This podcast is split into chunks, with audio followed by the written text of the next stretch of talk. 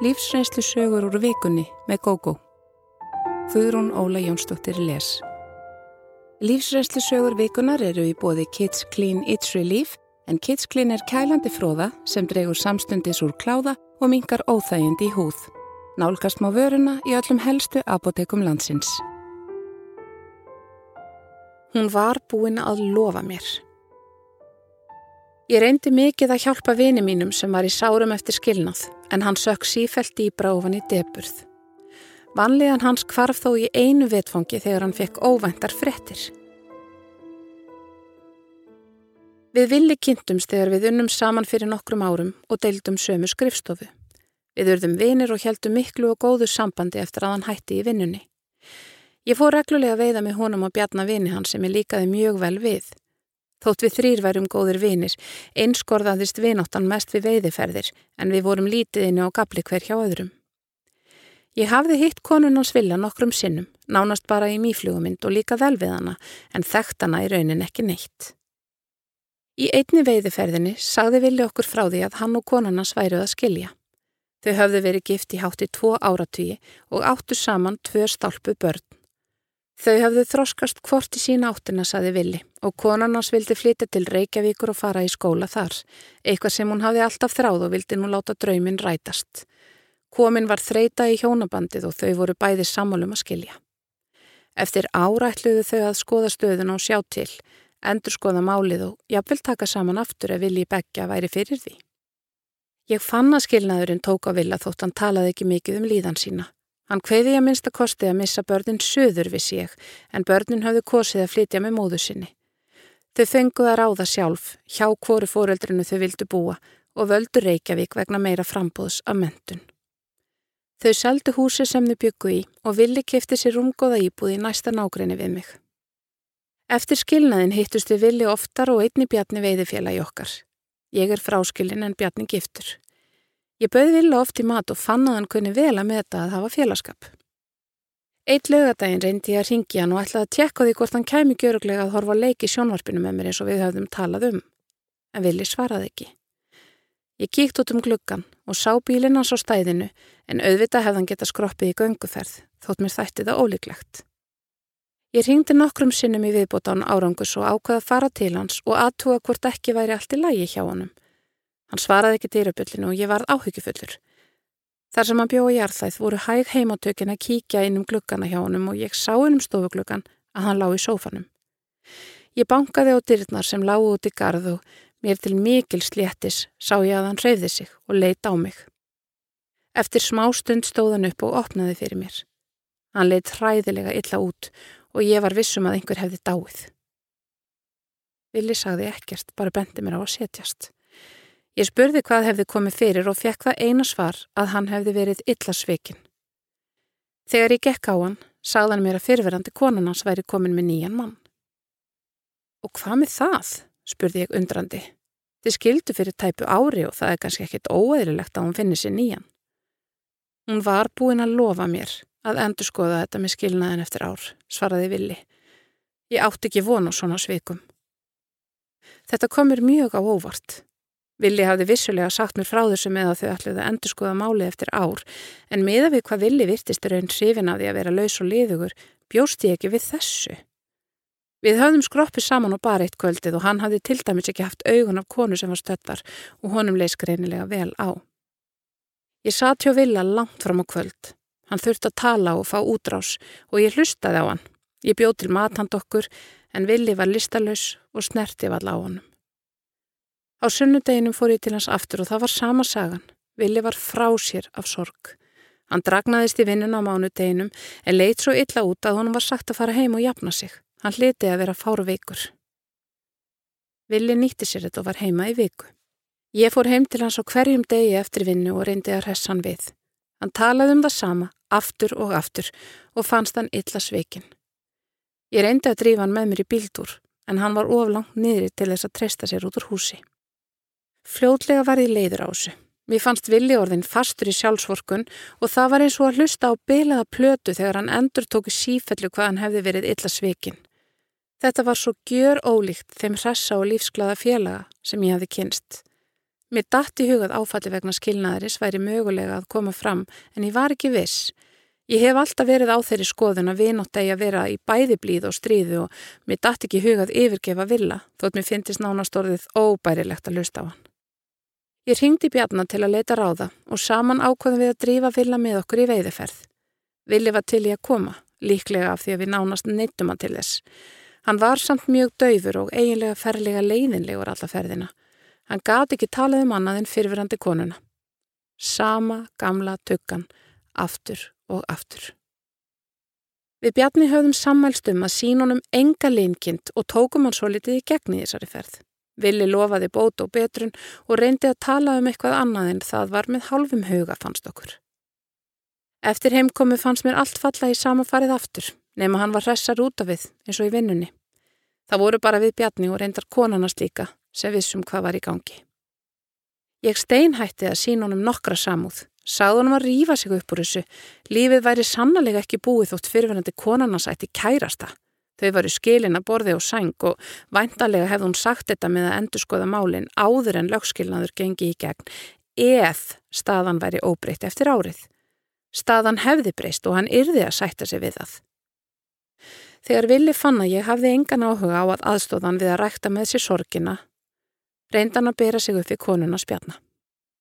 Vili vissi ekki að við Bjarni og konarnas hefðum rætt saman og tekið þó ákverðun að leif honum ekki að væla í okkur. Því síndu þau hjóninunum sama viðmót og ég. Við letum hann samt ekki friði.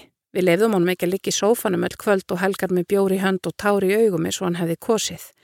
Við reyndum að draga hann upp úr þessu fenni með, tja, hörkulegri ástúð.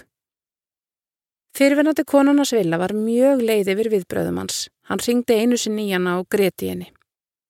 Þegar ég komst að því, sagði ég honum að það væri ekki rétta leiðin til að fá hann aftur. Hún færi bara vorkin honum og samúðun geti smám saman breyst í fyrirlitningu. Ekki kerðan sig um það. Hann yrði að sína stolt. Ég fekk hann til að lofa mér að ringi ekki aftur í hana og hann stóð við það. Á þessum sama erfiða tíma voru þau einnig að ganga frá lögskilnaði og það gæti hafa dreyið úr honum líka. Kanski voru við vinitir meðvirkir með honum, ég gerum mér ekki grein fyrir því. Vili fekk heilmikla aðtegli frá okkur út á þetta en ég gatt þó ekki hugsa mér að vita vini mínum einum í örvæntingu. Hann átti nú betra skilið að mér. Ég ráðlaði honum margsinnis að leita til sálfræðings en Vili sagði það ekki koma til greina. Hann hefði enga þörf fyrir það. Þetta ástand varði í nokkra mánuði. Stundum held ég að Vili hefði hristið af sér en síðan datt hann í sama sjálfsórskunar pittin aftur. Ég vissi að tímin myndi lækna sárin en mér fannst það gerast ansi hægt. Eitt daginn syngdi Vili í mig og ég heyrði strax á röttina að hann var mjög gladur. Erindi var að segja mér að fyrirverandi konan hans var í hætt með nýjamanninum. Nú, og hvað? Ætlið að taka saman aftur, spurði ég þurrlega. Það veit ég ekkert um, svaraði Vili. Mér vitanlega rættuði fyrirverandi hjónin ekkert um að taka upp þráðin aftur. En Villa var batnað. Nú leik hann á allsotti og ég endur heimti gamla góða og skemmtilega vinin aftur. Hann hafði þó breyst í mínum huga. Hafði sínt á sér hlið sem ég vissi ekki að hann hefði. Mér fannst undarlegt að hann gæti ekki und sinni fyrirverandi þess að öðlast hamingi með öðru manni. Hann ríg hjælti eitthvað sem hún sagði og tólkaði það algjörlega sér í hag. Ég er enn undrandi á þessum ofbóðslegu viðbröðum villa. Ég held að hann hafi einstinni aldrei kært sig um að taka saman við fyrirverandi konu sín aftur. Ég spurðan eitt sinn þegar depurðar tímabilið stóði yfir hvort hann elskaði hana. Hann sagðist halda það en væri bara svo sár út í hana að hann gæti ekki sagt til um það. Svo á einu augabræði kvarf sorgin þegar hann fretti að nýjumadurinn væri úr sögunni. Hann vildi konuna sína mögulega ekki en samt móti engin annar maður koma nálat henni. Við villi erum en ágetir vinir, en þetta breytti vinot okkar og ég sé hann ekki sem samamann og áður. Liðin eru nokkur ár síðan þetta gerðist og enn hafa þessi fyrirverandi hjón ekki tekið saman aftur. Ég veit reynlega ekki hvort fyrirverandi konunars vilja er komin með kærast aftur.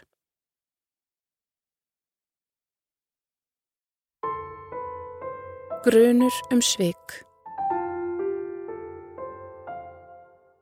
Um tveggja ára skeið bjó ég með konu.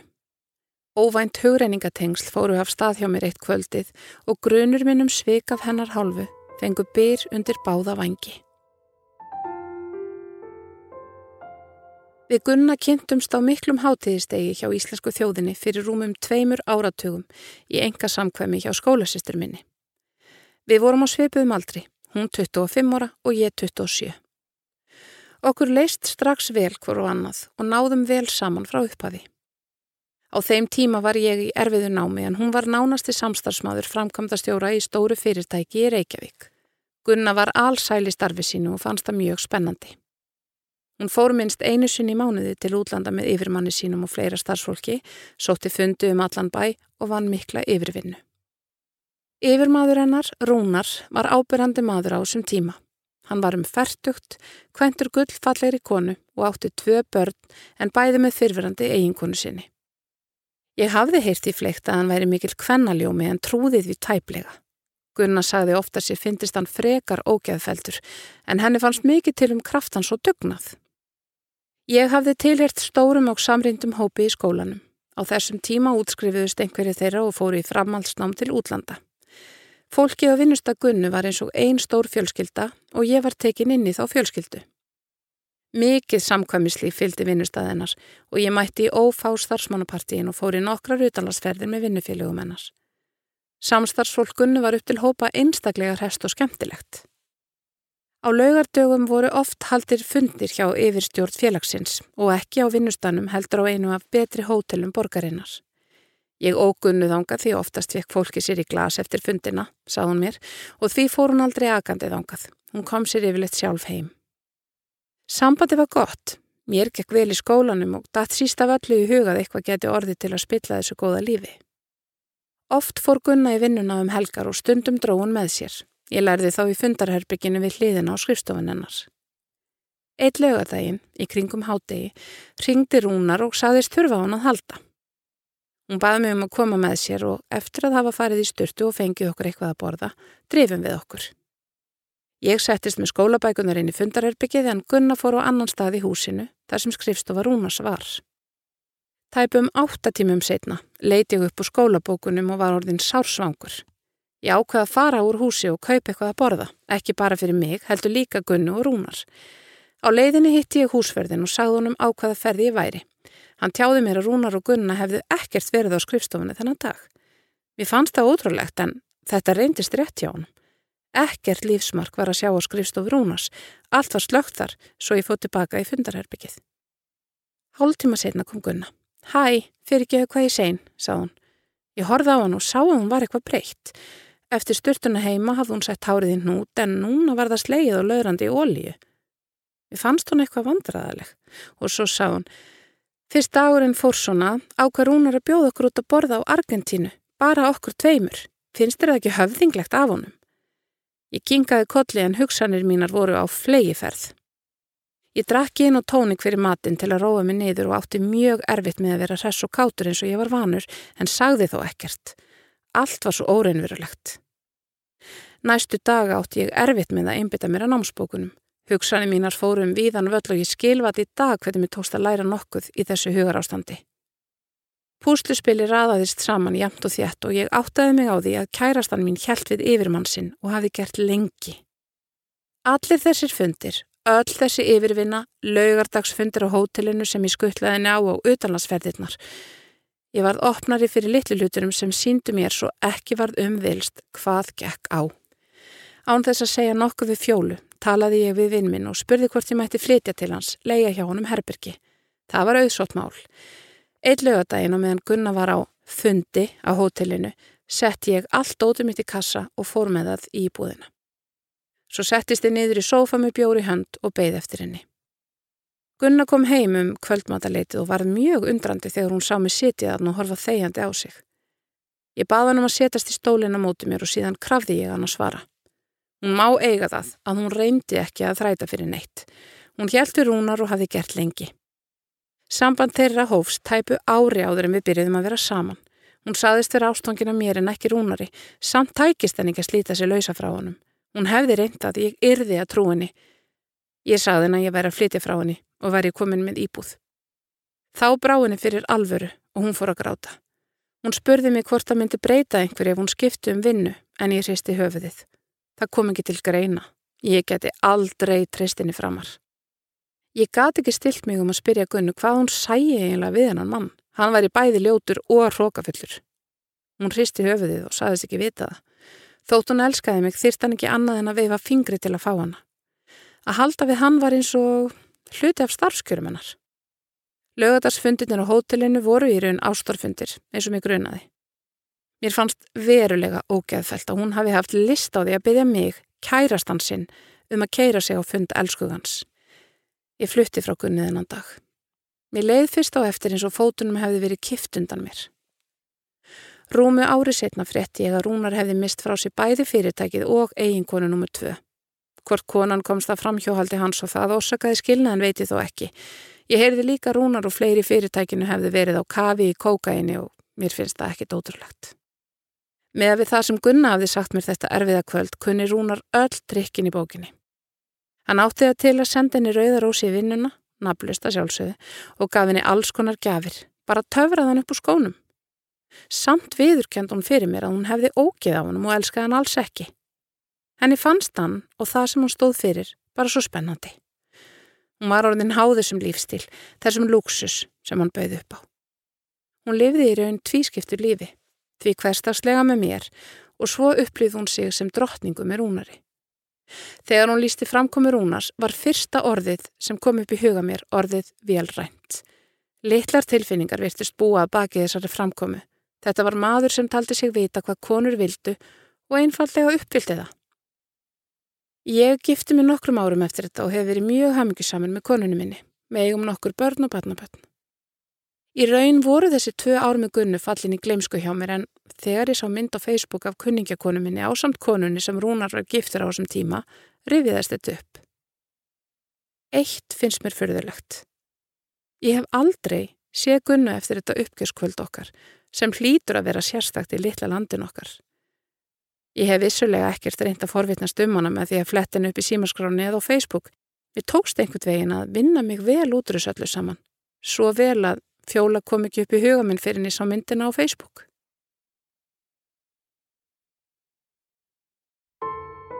Óvænt hemd Fátt veit ég ljótara en að svifta börn öðru fóreldri sínu án ástæðu.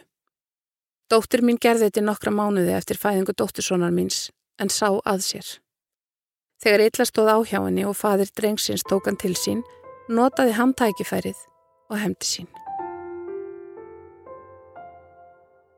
Dóttir mín var átjónara þegar hún kynntist Daniel og varð ástfangin af honum. Ég hafði alltaf á tilfinningunni að hún væri sipnar af honum en hann af henni og það reyndist vera rétt hjá mér. Unga parið hætti saman eftir nokkura mánuða samband en þá var hún orðin ófrísk. Þegar hún sagði Danna frá barsvoninni reytist hann og saðist ekki kæra sig um yngt krakka. Fínt er, sað hún, þá skal ég ekki tröflaði með þessum krakka. Hún raug ösku vond og dyr og kom svo heim og greti fanginu á okkur fóruldrum sínum. Ég sagði henn að við myndum gera allt sem við gætum til að hjálpina með barnið ef hún ætlaði að halda því. Vissulega gæti hún farið í fósturriðingu, það væri líka möguleiki. Hún horfið undrand á mig og saðist auðvitað alltaf eiga barnið. En ég held að hún hafi enga grein gessi fyrir því hvað það myndi kostana. Hún sá allt í einhverju rómatísku ljósi, drifkvita vöggu með fallegum sængurfötum og enn fallegra barni sem svæfi vært í vöggunni og vaknaði bara til að drekka og vera krútlegt. Drengurinn fættist í fyllingu tímans og hinn þrjóska dóttir mín ákvaða að láta föðurinn ekki vita. Ég skipti mér ekkert af því, nema ég bentinni á að sonur hennar hefði rétt á því að þekkja báða fóreldrar sína. Hann vill ekki sjá okkur, saði dóttir mín og hafði vissulega eitthvað rétt fyrir sér í því, en það sem Danni sagði gætt vissulega hafa verið sagt í hitta leiksins.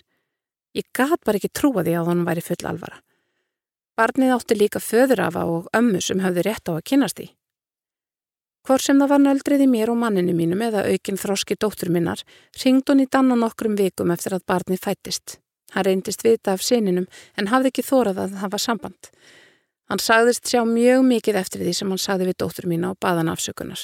Hún baðan afsökunar á móti fyrir að hafa ekki látið hann vita fyrr og þau sættust heilum sáttum. Danni heimsótti són sinn reglulega og ég veit að dóttur mín vonaði að eitthvað yrði á milli hennar og Danna en hann hafði greinilega engan áhuga á því bara sinni sínum og hún sætti sig við það á endanum. Feðgarnir hittust mjög reglulega og eftir að svo litli var hættur á brjósti fór hann reglulega til pappa síns. Þegar hann var áskamall var önnur hver helgi reglan, þóttir hittust mjög oftar en það.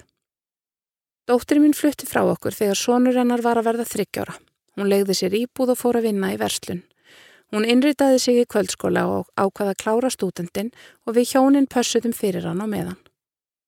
Við maðurum minn fluttum tímabundið út á land þar sem okkur bauðst spennandi starf og gátum því ekki verið dóttur okkar sá styrkur sem við hefðum kosið, en hún virtist spjara sig mjög vel. Hún misti vinnuna óvænt og gekk erfiðlega fá annað starf.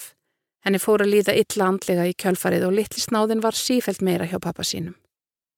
Loks bauð danninni að drengurinn flytti til sín og þau myndu skipta forræðinu en fram að þessu hafði hún haft fullt forræði. Hún gæti hitt hann fast aðra hverja helgi og einning þess á milli bara eins og hún vildi. Hún samþykti þetta og búið var að ganga frá öllu áður en hún sagði okkur fóröldurum sínum frá þessu. Ég stutti þetta heilsugar en það hafði Danni sínt að hann var góður fadir sem þótti mjög vænt um són sinn. Maðurinn minn var ekki jafn ánaður og ég, þótt honum líkaði vel við Danna treystan honum samt ekki. Hann sagði mér að hann hefði slæma tilfinningu fyrir þessu og það kom líka á daginn að áhyggjur hans voru ekki alveg ástæðuleysar. Í fyrstu gekk allt vel. Dóttir mér leitaði sér hjálpar við þunglindinu sem hrjáðana eða deburðallu heldur, hún greindist ekki með þunglindi. Hún var þó sett á liv sem gerðinni gott og fekk einnig samtalsmeðferð. Hún kom tvísvar til okkar með drengin yfir mömmuhelgi en fljóðlega eftir að nýja fyrirkomulegið hófst fór hún að finna fyrir einhverju træðu hjá Danna þegar hún sótti drengin, eins og hann treystin ekki. Hún hjælt engu leindu fyrir honum varðandi andlegu hilsuna og hjælt að hann skildan ástitti. Síðan fór Danni að finna ymsar afsakanir fyrir því að hún fengi ekki barnið. Oft skrökvað hann senlega aðinni þegar hann sagði að drengurinn væri veikur og best fyrir hann að fara ekkert út.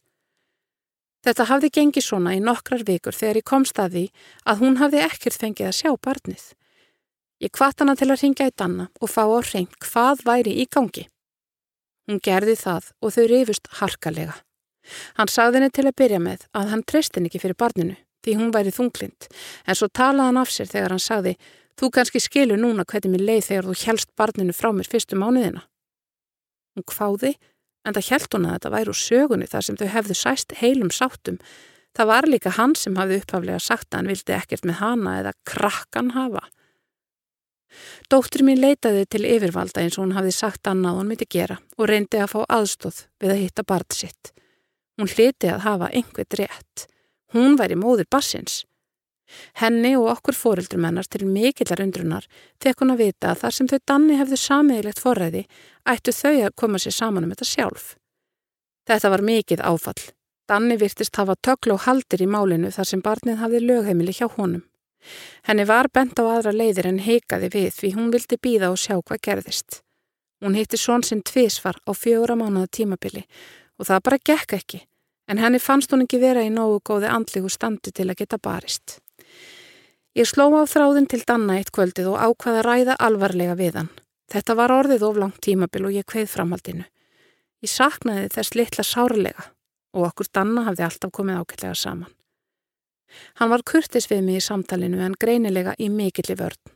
Ég var hreinskilin við hann og sagði að dóttir mín væri miður sín vegna þessa og hvort honum væri virkilega alvara með að svifta barni móður sinni. Hann neytaði því en viðurkendi að hann hefði áhyggjur vegna veikinda hennar. Ég sagði hann að hún væri komin að lifa og allt gengi mjög vel hjá henni nema hún tæki mjög næri sér að fá ekkert að hitta barni sitt. Hún væri að hugsa um að sækjum fullt forræði við barninu til að breyta þessu fyrirkomulagi. Badd þyrti bæði móður og föður og ekki væri gott samkominnlag bytnaði það verst á barninu. Þannig jankaði þessu en sagði fátt. Ég reyndi að höfða til alls þess góða í honum, var róleg en ákveðinn og mér leið mun betur eftir símtalið. Þegar næsta mömmuhelgi rann upp fekk dóttur mín drengin til sín á nokkura vankvæða og halvu mánuði setna gekk allt vel líka. Smám saman hvarf öll spenna úr samskiptum þeirra. Dóttir mín fór í fullt nám en ekkert var minnst á að hún tæki drengi til sín aftur þóttu uppaflega hefði verið rætt um tímabundna löst. Danni var frábær fadir og sonurinn dapnaði vel í umsjá hans. Eitt daginn spurði hana hvort þau hefðu eitthvað rætt hvort hann kemi aftur en hún saðist ekki vilja breyta neinu. Drengurinn virtist mjög hamingusamur með lífið eins og það var. Þótt hún þráði að hafa hann meira hjá sér væri hún ekki vissum að það væri endilega það besta fyrir hann. Mikið sem mér fannst dóttir mín hafa þroskast á ekki lengri tíma. Þegar Danni byrjaði að vera með konu ótaðist ég að allt breytist til henni sverra, en svo fór alls ekki. Þessi kona átti tvö börn sem voru aðra vikuna hjá henni og hina hjá föður sínum. Hún komið þá hugmynd að dóttir mín og Danni gerðu slíkti sama eða allavega prófuðu hvort drengurinn þyldi að eiga tvö heimili en sum börn verða rótlis á því, ekki síst ef þau hafi ekki vanist í frá upphafi. Það hjálpaði eflust til að heimilin voru ekki mjög langt hvort frá öðru. Þetta gekk líka allt mjög vel og drengurinn kvartaði aldrei. Hann á nokkur hálsiskinni begja megin en dóttir mín er gift góðu mann í dag sem hann á tvær dætur með. Þegar Stráksi var 12 ára fluttu fadir hans og stjúpa á samt börnum þeirra í nýtt útkverfi í Reykjavík og þá ákvaðan að búa alfarið hjá mömmu sinni. Þar voru vinirnir og þar var skólinn. Hann fikk ráða þessu sjálfur. Þrátt fyrir þessa reynslu fer ég varlega í að dæma mæður eða feður sem hamla umgengni. Stundum likur eitthvað að baki, ofbeldi eða eitthvað þaðan að verra og mér finnst sífelt algengar að slíkt sé áliti vera hluti af tálmunum sem er, að mínu viti, engöngu því fólki að kenna sem notar börnin til að ná sér niðri á hinufóreldrinu. Álit mitt á Danna jógst með hverju árinu og meira að segja maðurinn minn sem þóldan illi fyrstu, en það fannst honum hann hafa komið illa fram með dóttu sína, tók hann algjörlega í sátt. Þegar drengurinn fermtist, borgarlega að eigin vali, var haldinn einn stór og flott veisla sem allir hjálpuðu staðið að gera sem veglegasta. Það virðist ríkja bæði virðing og væntum þykja á milli dóttur minnar og basfiður hennar og það hefur haft einstaklega góð áhrif á elsta barnabarni mitt sem er hafmyggisamur ungu maður í dag. Gott samkomilag er greinilega galdurinn en ég veit full vel að oft og tíðum er það erfitt en það er þess virði barnana vegna.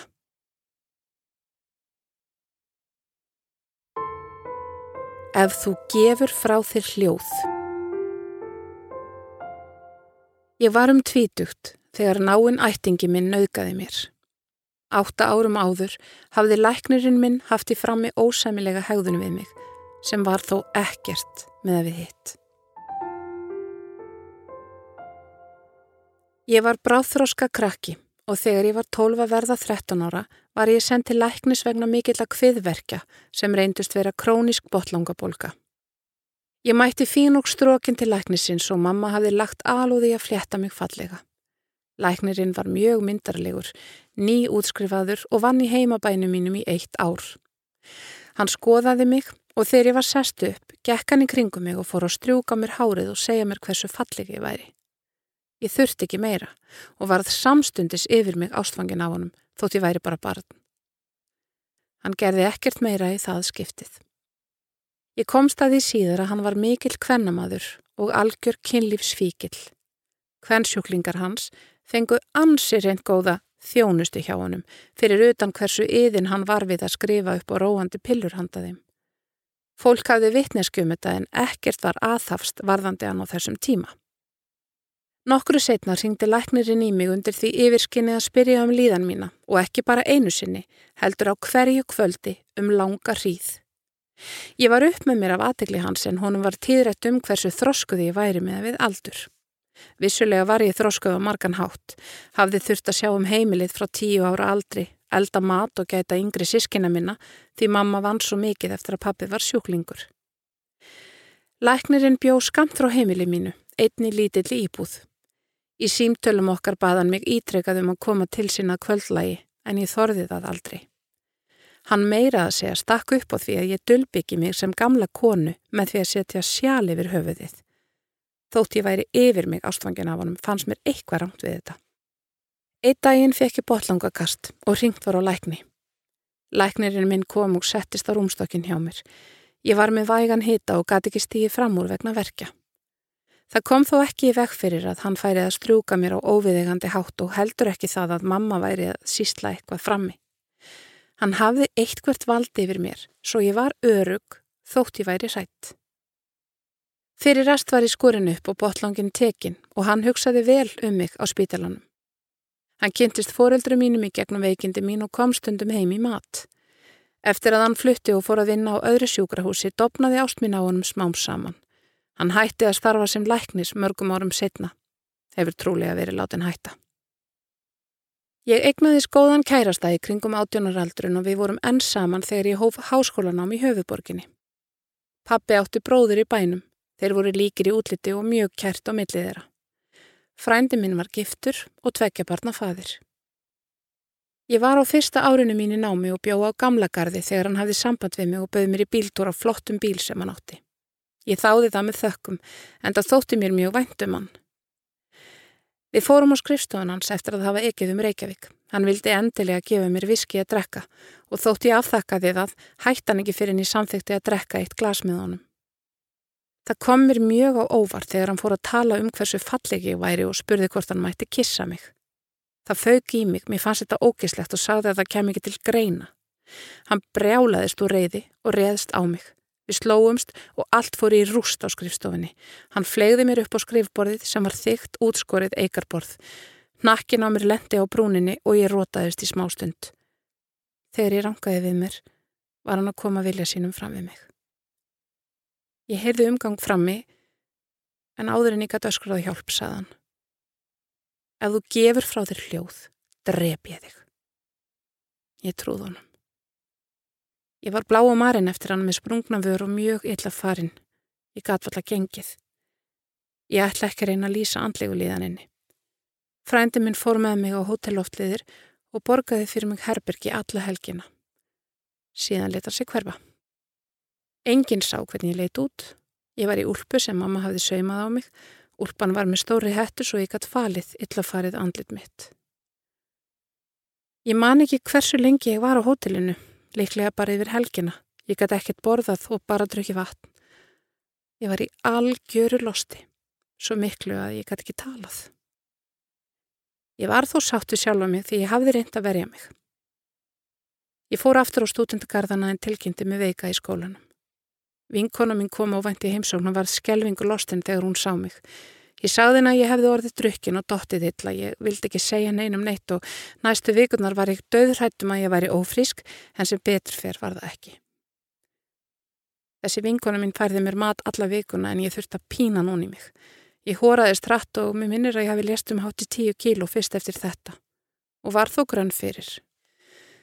Ég veit ekki hvernig mér tókst að halda hausi náminu og átti mjög erfitt með að innbytta mér. Mér leiði betur þegar ég hjálpaði öðrum eins og einni skólasýstu minni sem var mjög hjálpar þurfi. Eindal kona sem kend okkur báðum var vörfiðið og tók mig á eindal. Fyrr spurði hún hvað var ég að. Engin þekkti mig fyrir sömu mannsku lengur en ég gæti ekki sagt henni neitt. Þá hún mig um að halda mig að náminn í stað þess að eða tíma í skólasýsturina. Hún myndi ekki geta haldið áfram en ég gæti það með glans. Ég fyltist orku eftir rósið og mér fór að ganga betur í skólanum. Ég þagði um atbyrðin, en ekki til að lífa frænda mínum. Heldur vissi ég að það myndi eiðilegja líf mitt á svo margan hátt ef allt kemist upp. Pappi myndi hugsanlega deyja og sorg. Hann var svo veikburða og einhverjir myndu eflis kjósa að trúa frænda og hætta að tala við mig. Ég sá ekki að þetta myndi gagnast neinum. Þótt mamma hefði mikla ráðgjur af mér, sagði ég henni ekkert strax og þegar ég lóks gerði það, kaus hún að trúa mér ekki. Það var þó bara í fyrstu, hún fór að sjá mörg teikna loftu um hann væri geðlilegur. Ég fór mjög oft í styrtu, jafnvel tvísvar á dag, til að reyna að þrýfa ógeðið af mér. Fór í sund strax eftir skóla og syndi minst 200 metra. Ég einbytti mér að náminu og reynda að gleymisu en lítið annað komst á að hjá mér árum saman. Ég var með það sem kallast í dag áfallastreituröskun og fekk reglulega flashback. Það slitnaði upp úr vinasambundu mínum því ég hafði breyst svo mikið og ég einangraðist, án þess að vilja það sjálf. Ég ætlaði að flytja úr herbyrginu og leia út í bæ með vinkonu mínum en það sögðu óvænt að þeir ekki pláss fyrir mig, sem var annað áfall. Eitt kvöldið fór ég eini klúpin og fekk mér í glas. Þó var ég búin að ákveða eftir aðtökið að bragða aldrei aftur vín. Þarna var ég nýbúin að segja upp kærastanum mínum. Hann var indislegur strákar en ég bara gæti ekki hugsa mér að vera með honum. Hann vissi aldrei hvað kom fyrir mig. Í klúpnum hitti ég grískan strák og ákvaði að fara með honum heim. Við sváum saman, sem var ekki góður einsla, og ég hugsaði með mér að frændi minn hefði eðilagt mig á þessu sviði. Sem betur fyrir var það ekki rétt en það tók mér nokkur ára að koma staði. Það sem hjálpaði mér mest við að koma andlegu hliðin í lag var námið og sundið. Ég náði mjög góðum árangri í prófum og litlu munaði að ég næði ágætti senkun, þótt í sér lésblind. Ég græti á því hversu gott minni ég hef. Ég fjall í einu fæi í lokaprófunum, því erfiðasta. Enda var ég hundveik þegar ég tók það, en náði þegar ég fekk að taka það upp og var hæst. Ég fekk fyrstu engun í aðalengun og munaði ekki miklu að ég næði ágætisengun. Skömmu fyrir útskrift fór ég í samband við góðan mann en hann var frekur og vildi drotna yfir mér. Ég áttaði mikið á þessu minstri hjá mér að velja slíka menn því svo næsti var þannig líka en ég giftist honum og hjónabandi varaði um 20 ár. Um það leiti sem þriðja barn okkar kom í heiminn áttaði ég með á því að ég var að mestu laus við áfattastreitur öskunina sem hafði hrjáð mig frá atvikinu. Ég hætti að sjá naukunina fyrir mér í liftrum þegar ég átti síst vonaði. Nokkru eftir að ég kynntist fyrirverandi manninu mínum gæti ég sagt honum frá naukuninni og það var mjög gott að geta létt af hjarta sínu. Í dag er ég gift mjög góðu manni. Ég var að sjálfsögðu ekki laus við frænda minn og lífi mínu heldur þurfti að umgangast hann annars lægið og láta sem ekkert væri. Hann var aldrei stressaður þegar við hittumst, heldur hló og fýblaðist á meðan ég var í algjöru rusli. Það var eins og ég væri utan við líkama minn, mjög skeld, en ég gæt leikið. Við hittumst í veislum þegar hann kom til fóreldra minna og þegar við þurftum að fara í bóð heim til hans. Konan hans var mjög ljúf og þau áttu tvö indisleg börn. Ég var aldrei ein með honum leg bara með hlutverk og leti svo ekkert hefði gerst. Þegar yngsta barni mitt var skýrt held ég veistlu heima fyrir ættingjana. Frændi minn satt í sófanum hjá sjóra dóttru minni og lítilli frænk okkar og kleip þær í brjósti nokkrum sinnum utan klæða og gaf frá sér bípljóð í hvert skipti eins og hann væri að leika við þar. Engin sá til hans nema ég og ekki treysti ég mér til að gera neitt. Ég held að ég myndi tapa mér að það. Þetta var einn erfiðasti dagur lífsmýns fyrir utan auðkunina sjálfa. Dóttir mín man ekkert eftir þessu sem betur fer. 20 árum eftir nöðkunina brotnaði ég niður í vinnunni út af atbyrði sem gerðist þar og þá opnaði ég mig fyrst almennilega og sagði vinnufélögum mínum frá nöðkuninni. Einnig frængu minni sem öfugt við mömmu trúði mig strax og sagði að ég ætti að kæra frænd okkar. Ég sagði að það gengi endanlega frá pappa. Hann væri svo mikill sjúklingur. Fjölskyldan væri lítil og ég sæi engan tilgang með því að kæra. Það myndi rústa öllu. Um leið og stígamót hófu starfsemi sína leitaði ég til þeirra og fekk mjög góða hjálp. Ég áttaði mig á því að konan sem ég talaði við þar hafði verið beitt kynferðislegu ofbeldi í barnæsku. Í raun fannst mér í heppin að hafa fengið að eiga áhyggjulösa æsku, öfugt við hana. Núna setni árin hef ég hugsað mikið um börn frænda míns og hvort hann hafi mögulega gert þeim eitthvað. Sónurinn átti við óreglu að stríða árum saman og lendi í fangelsi um tíma. Dótturinn hefur verið mjög veik frá unglingsárum, bæði andlega og líkamlega og er öryrki í dag. Ég tengdi veikindi þeirra aldrei við föður þeirra en í dag ger ég það. Þessi indislegu, fallegu og efnilegu börn. Það kvarlaði ekki að mér á sínum tíma að pappið þeirra hefði gert þeim nokkuð Þau virtust alltaf vera svo hamingisum. En kannski lekuðu bara sitt hlutverk, eins og ég.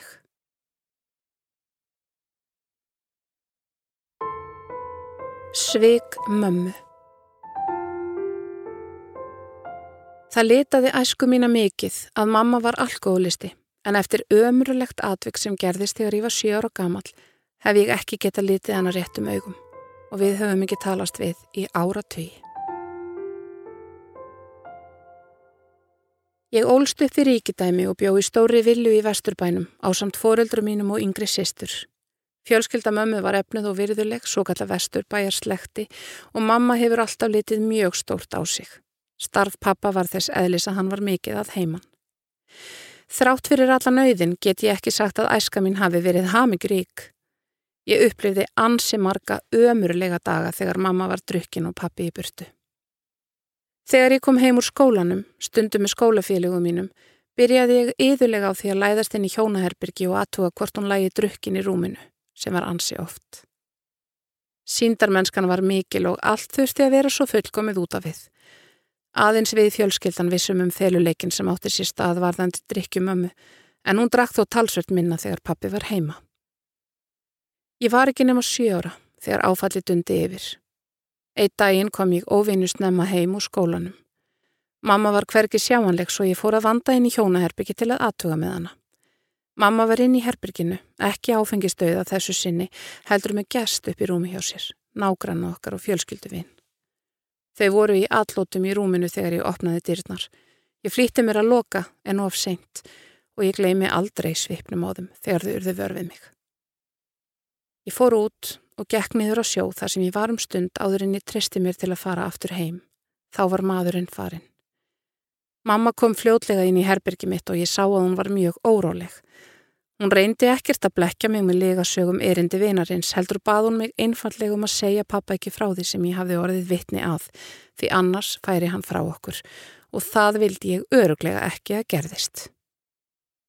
Ég lofaði mömmu því, en var allt og vungur til að átta mig á því hversu líjandi og ósangjörn ábyrð þetta var sem hún lagði á herðar mér. Alla tíð leið mér eins og ég hefði sviki pappa sem er þótti svo væntum. Mamma róaðist þegar ég lofaði henni þessu en það hafði þessi hótun hennar um að pappi myndi yfirgefa okkur þau áhrif að ég gæti ekki sagt honum neitt og hún gerði sér eflust fulla grein fyrir því. Samband okkar mammu gjör breytist eftir þennan atbyrð. Við myndumst aldrei framan á þetta og hún var alltaf í vörðgakvart mér. Þegar þetta gerðist voru við bara tvö sískininn en okkur átti eftir að fjölga með árunum. Auðvitað gerðu sískinni mín eftir að þau eldust sér grein fyrir því hvernig mamma var en ég reyndi sem stóri bróður að verja þau fyrir því versta. Lífið mitt tók miklum breytingum eftir atbyrðin. Mér fór að líða enn verri inn á heimilinu. Jafnvel þótt pappið veri heima. Ég var alltaf með samvinskupitt gagvart honum.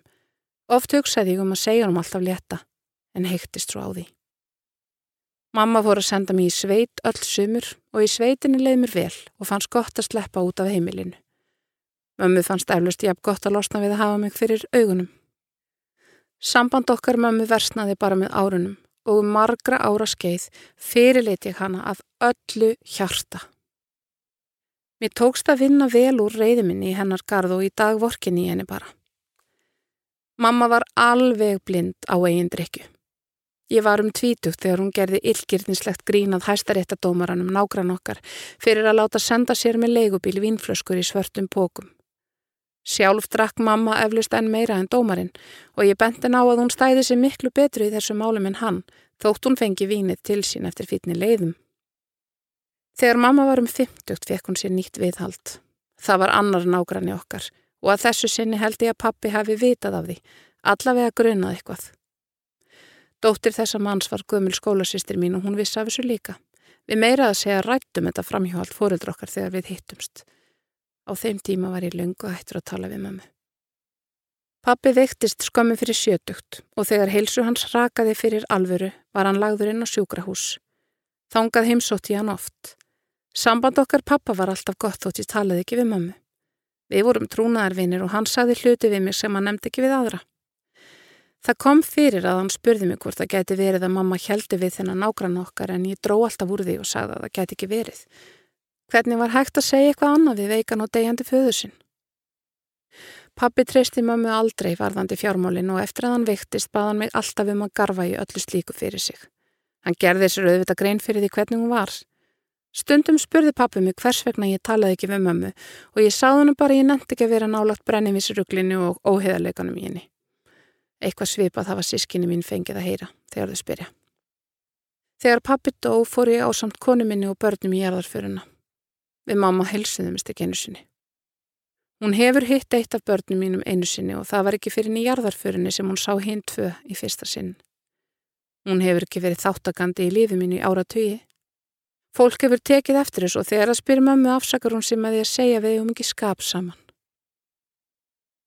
Nú er hún komin á efri ára og það virðist fara sífelt verið hana að elsta barninar tala ekki við hana.